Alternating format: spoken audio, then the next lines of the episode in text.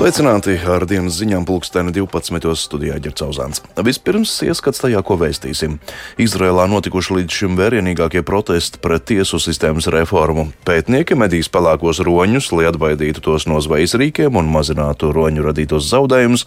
Raiskuma pagastā sākusi ziedēt pasaulē lielākā krokus kolekcija. Par šiem tematiem turpinājumā plašāk.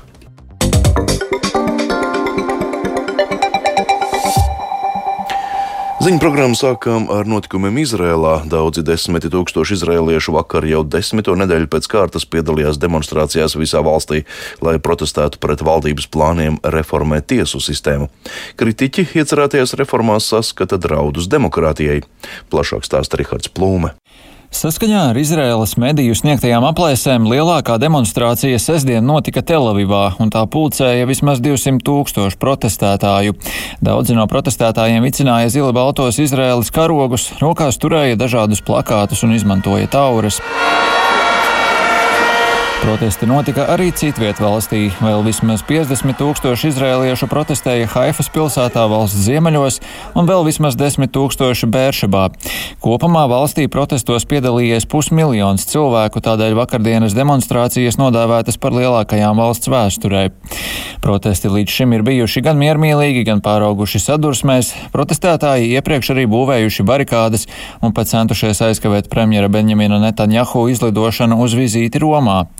Kā norāda viena no protestētājām, spiediens uz valdību gan valsts iekšpusē, gan no ārpuses pieaug. Mūsu demokrātija ir viena no vissvarīgākajām lietām šajā valstī, un bez šīs demokrātijas mēs nonāksim lielās nepatikšanās. Mēs nevaram uzticēties esošajai valdībai un nevaram uzticēties arī politiķiem ar neierobežotu varu, jo neierobežota vara viņus pilnībā samaitās. Ne tikai šī sieviete, bet arī citi protestētāji ir apņēmības pilni turpināt protestu protestus un ir pārliecināti par savu uzvaru. Jaunās valdības spērtie soļi rada reālas, taustāmas un tūlītējas briesmas valstī, un mēs tās bez šaubām apturēsim. Valdība apgalvo, ka varas nelīdzsvarotība ir devusi tiesnešiem un valdības juridiskajiem konsultantiem pārāk lielu ietekmi pār likumdošanu un pārvaldību. Viens no pretrunīgāk vērtētajiem ierosinājumiem ir klauzula, kas dos Izraēlas parlamentam Knesetam pilnvaras atcelt augstākās tiesas spriedumus, kas noraida Kneseta pieņemtos likumprojektus. Tādā veidā parlamenta vairākums varēs panākt tādu likumprojektu pieņemšanu, kurus tiesa atzinusi par antikonstitucionāliem. Plānots arī reformēt tiesnešu atlases komisiju, iesaistot tajā divus pārstāvjus, kurus izvēlējies tieslietu ministrs, nevis valsts juristu asociācija.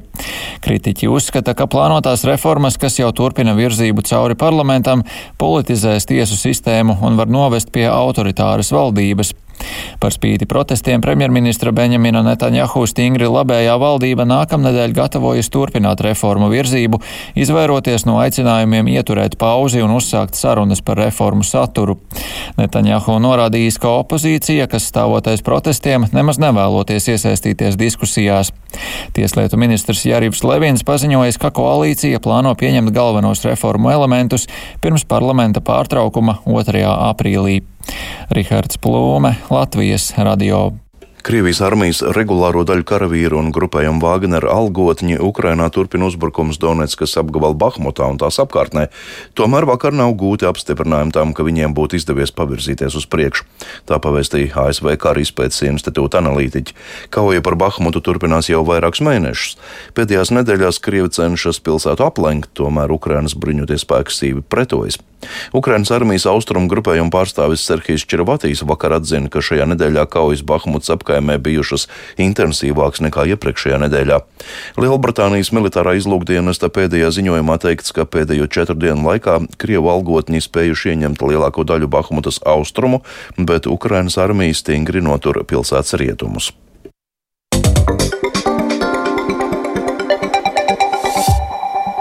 Valsts ugunsdzēsības un glābšanas dienests aizvadītajā diennaktī saņēmis 46 izsaukumus, no kuriem 21 bijis uz ugunsgrēku dzēšanu.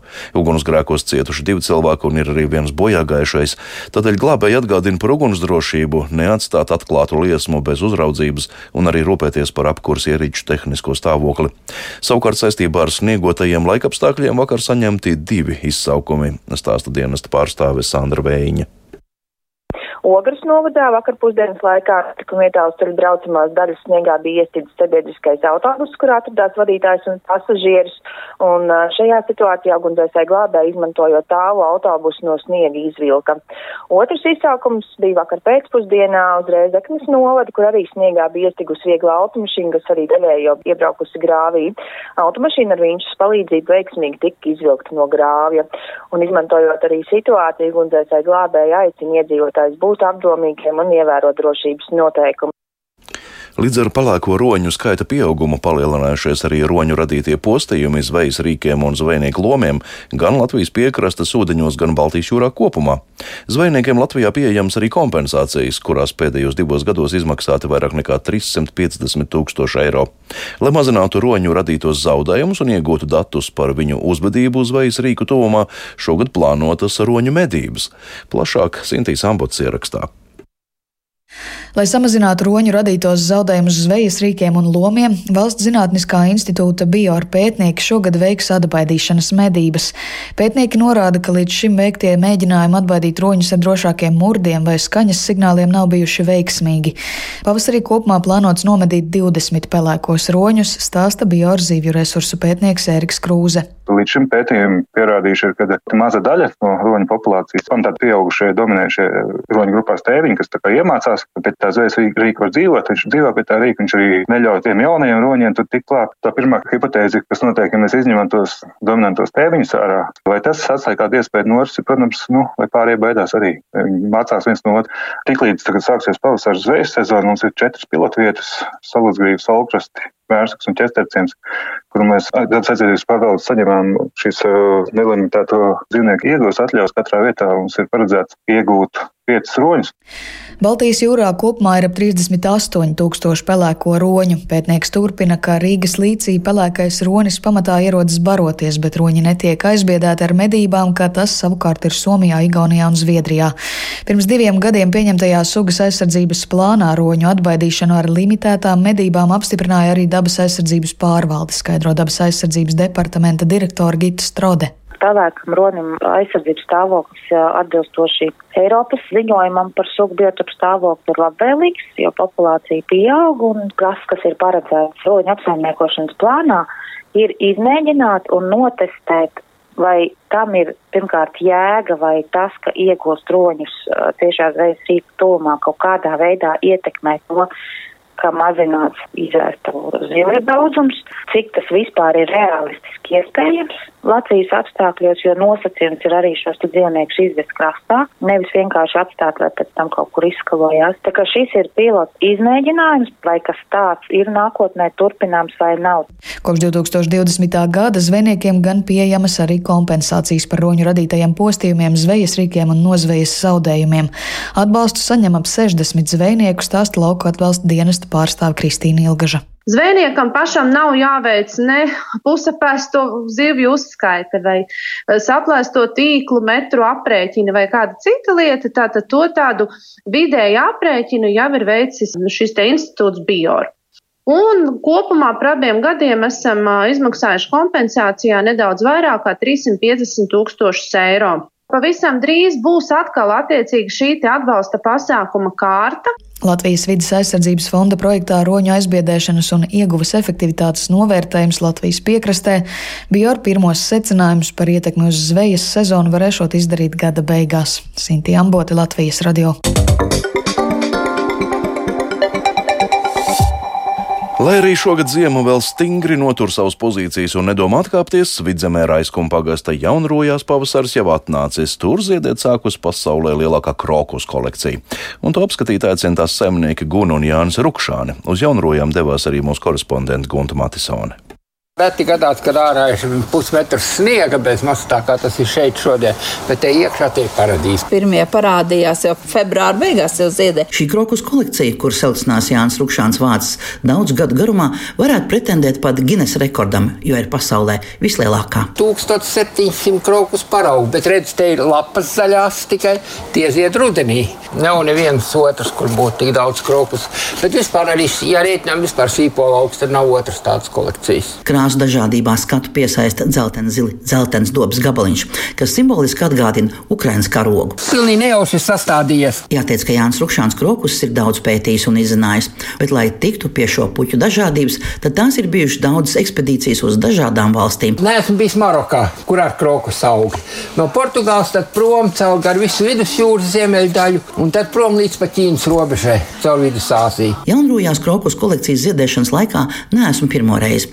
Pirms diviem gadiem Jānis Rukšāns aicināja skatīt, kā viņš pats teica, septīto pasaules brīnumu, jo bija uzziedējis rozā krokus, un tādi ir tikai daži visā pasaulē. Pašlaik viņa audzēja viens Japāns, kam ir divi no viena, ko viņš no manis nopirka. Vienu nopirka viens vācietis, bet no tā man nav ne ziņas, ne viņas. Es nezinu, vai viņam viņš vēl aug.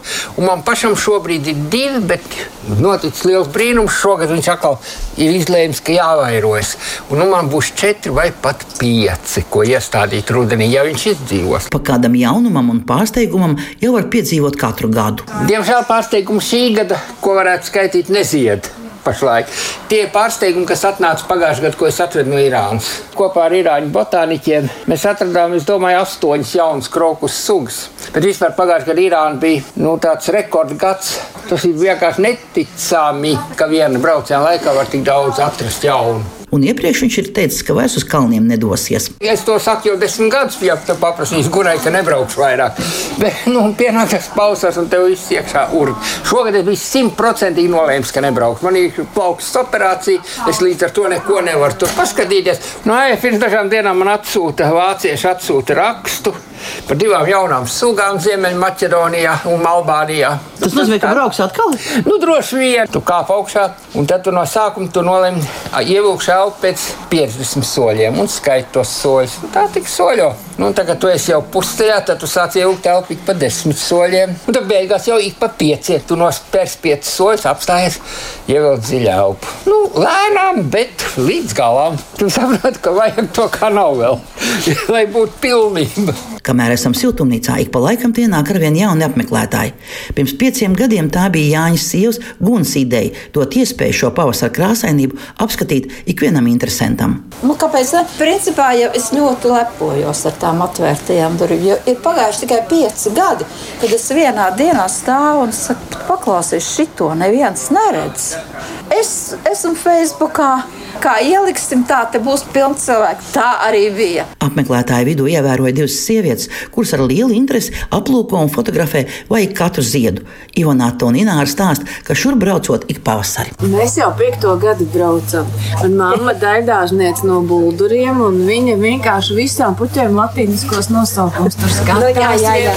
Nē, nu kā var nepriecāties par pavasari? Kā var neatbraukt? Mēs esam no Siguldas, braucam pēc tā pavasara. Vismaz, lai būtu tā kā sirdī pavasars. Jā, ārā Siguldā 30 cm sniegs. Nu, pavasars un krāsu bagātība. Nu, tas taču ir fenomenāli kaut ko tādu redzēt. Latvijā. Un, un ja viņas ir savāktas pa, no puses pasaules, kur tad vienopus to redzēsi tā? Jaunrojas siltumnīcās tagad krokus ziedēšanas laiks. Tad sekos cīrulīšu kolekcijas ziedēšana, un tad jau būs jūnijas ar peonijām un peonijas svētkiem. Guntmati Salmlatvijas rādio vidzemē. Un vēl sporta vēsts Latvijas duets Poļina Roškova un Agris Lasmans vakar Kanādā iekļuva pasaules čempionāta ratiņkerlingā pāriem finālā un nodrošināja Latvijai pirmo medaļu kerlingā.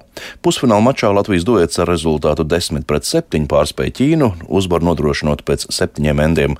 Finālā Roškova un Lasmans tiksies ar ASV duetu Pemu Vilsoni un Davidu Samsu.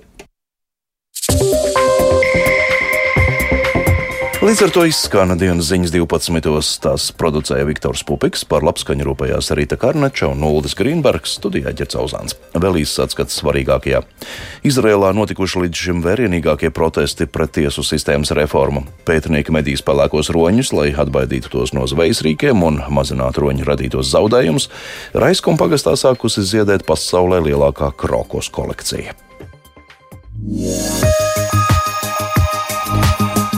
Rīgā šobrīd gaisa temperatūra ap nulli, rietumvējš 3 m2, atmosfēras spiediens 750 mm un relatīvais mitrums 61%. Šodien Latvijā pa laikam sniks, vietām rietumdaļā stipri, sniega saga pieaugs par 5 līdz 9 cm, redzamības snikšanas laikā būs apgrūtināta ceļi slideni.